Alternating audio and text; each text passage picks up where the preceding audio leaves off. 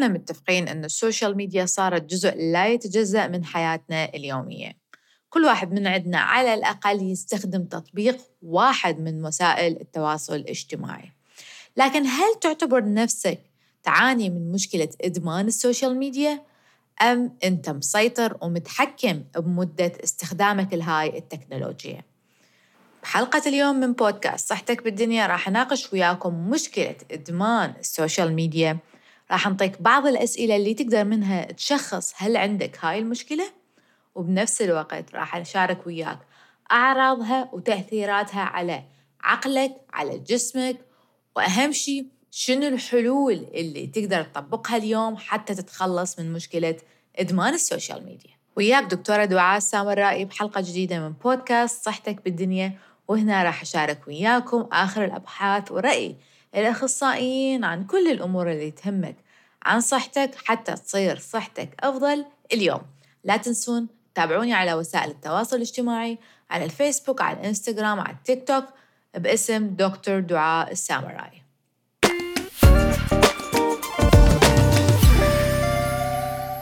بالسنوات الأخيرة صارت ال social media من أكثر استخدامات التكنولوجيا. لسهولة استخدامها لتوفرها بكل مكان ولكونها مصممة حتى يظل عليها المستخدم الأطول فترة ممكنة. ممكن تمر عليك الساعات وانت ما على نفسك. وكل يوم تريد تقعد عليها الفترة أطول. الأبحاث تقول إنه هذا الشيء بسبب إنه هي تحفز بالدماغ إفراز هرمون الدوبامين. وهذا الشيء تأثيره يعني يشبه كل يوم راح تريد أكثر من هذا الهرمون حتى تحس بالسعادة أو تحس إنه إنه أنت مثل إنه اكتفيت من هاي ال social media. وهذا الشيء نفس الشيء يصير مثل تأثير الكحول وتأثير المخدرات. فلهالسبب إحنا نقول عليه إدمان ال social media.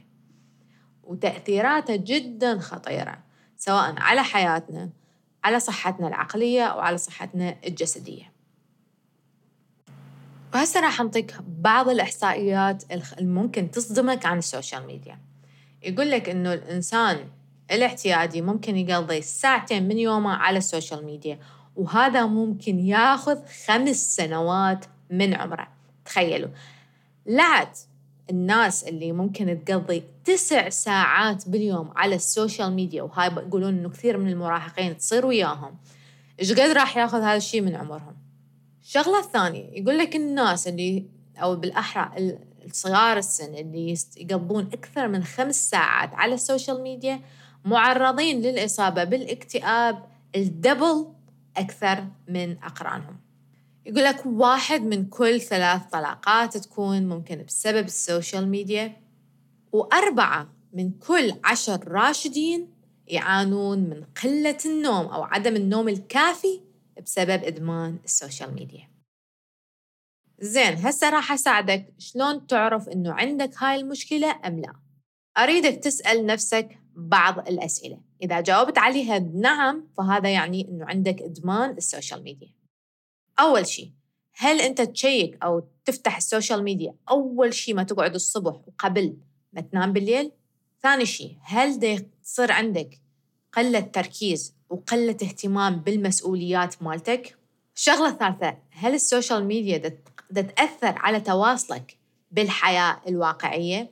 بسبب أنه أنت طول الوقت تتواصل بال social media فصار عندك قلة تفاعل مع الناس اللي بمحيطك.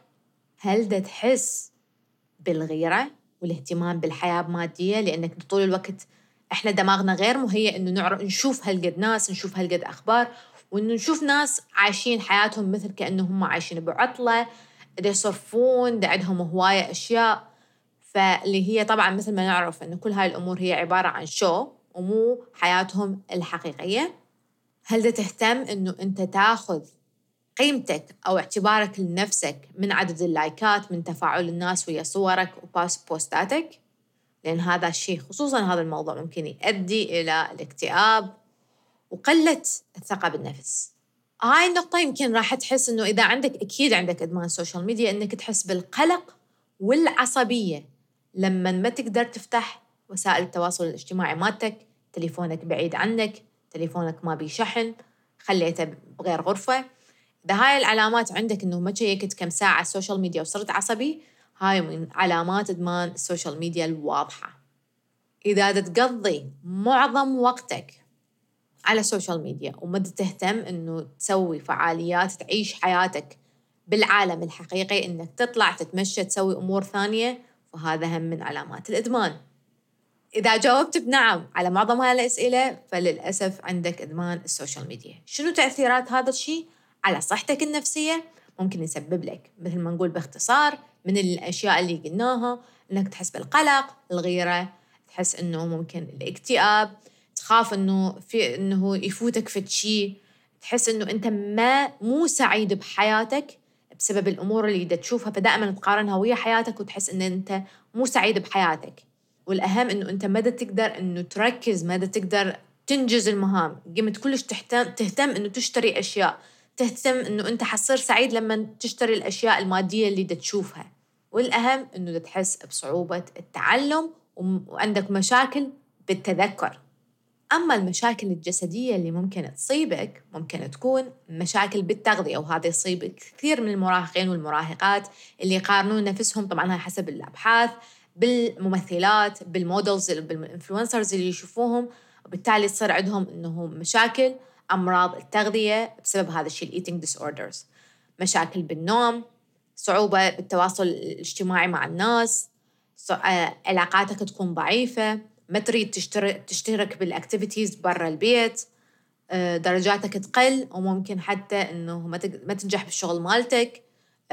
قلة المسؤولية ما تقدر تنجز المهام المهمة مالتك وهذا له تأثير جدا ضار على حياتك. وأخطر شيء طبعا السمنة وبتعرفون مشاكلها الهواية على الصحة بسبب قلة الحركة. زين هسه نبدي بأهم شيء وهو شلون نتخلص من مشكلة إدمان ال social media. إحنا راح نقول عليه ديتوكس مثل ما نقول الديتوكس هذا اللي إحنا إنه نتخلص من السموم بجسمنا نفس الشيء نريد نتخلص من هذا الإدمان. أول خطوة لازم تسويها إنه أنت تقول للناس إنه أنا ترى راح أبدي ديتوكس وهذا ممكن تكون فترته مثلا سبعة أيام بعدين ممكن تزيده إلى 30 يوم حسب قدرتك. أهم شيء إنه تبدي تقلل من استخدامك لل social media. ثاني شيء إنه امسح القنوات ال social media وسائل التواصل الاجتماعي اللي ما تستخدم ما تستخدمهم. وإذا أنت تريد تماما تقطع على مود تخفف أو تريد تقلل من هذا الإدمان اللي هو الأفضل طبعا حسب الخبراء الفترة معينة إنه تمسح مالتك الحسابات لفترة معينة أو تفع... ما تفعلهم يعني تخليهم غير فعالات. وأهم نقطة إنه تشغل وقتك. بشيء ثاني غير ال social media إنه مثلا تبدي تطلع ويا أصدقائك أكثر. ممكن تحكي ويا الناس تسوي اجتماعات تطلع برا تسوي هوايات أنت تحبها. أهم شيء إنه تشغل نفسك. شوي شوي راح تحس إنه الحياة صارت أحلى. وهذا الشيء طبعا صابني أنا شخصيا. طفي ال notifications هاي نقطة كلش مهمة. أشوفها عند كثير من الناس. كل شوية إجتهم notification و قطعوا تواصلهم ويا الناس قاعدين ويا أصدقائهم ويا أهلهم بعشاء وجتهم notification فتحوا الموبايل باعوا على ال social media نسوا الناس اللي قدامهم نسوا الموضوع اللي دا يحجون به وبالتالي هذا كل شيء أثر على علاقاتهم. الأهم بعد إنك track your time دائما حدد وقتك انتبه على الوقت اللي تقضيه على ال social media ومعظم الموبايلات تحدد تقول لك أنت إيش قد تقضي وقت وراح تصدمك الأرقام اللي راح تقراها. امسح الحسابات اللي ما تهمك امسح الحسابات اللي تحسسك بالغيرة امسح الحسابات اللي ما بها إيجابية الأخبار السيئة امسح بس باقي الناس اللي يهموك بحياتك والمحتويات اللي تفيدك وأكيد حساباتي يعني. وهاي النقطة أنا دائما أستفاد من عندها شخصيا إنه خلي الموبايل مالتك بعيد عنك بغرفة ثانية. أنا هاي جدا أستفاد من عندها. دائما أخليه بعيد عني بغرفة ثانية إذا أريد أنجز شيء بحياتي. ومثل ما قلنا خطط ال activities أو فعاليات خارج بيتك برا ال social media سواء بالبيت حتى بالبيت. تريد تقرأ تريد ترسم تريد تتعلم لغة جديدة تريد تقوي هوايات تريد تقوي مهاراتك بالشغل. تركز بشغلك تريد تطلع ويا الناس تطلع ويا أصدقائك تلعب طوبه أهم شيء إنه تسوي تخطيط لحياتك. تروح سينما. إنه اطلع برا البيت واشغل نفسك.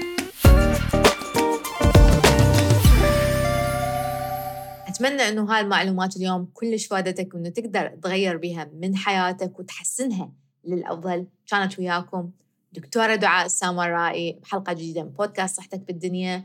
لا تنسون أنه تشاركون الحلقة إذا أفادتكم وتكتبوا لي تعليقاتكم لأن تعليقاتكم جدا تهمني. ودائما تذكر أنه صحتك بالدنيا.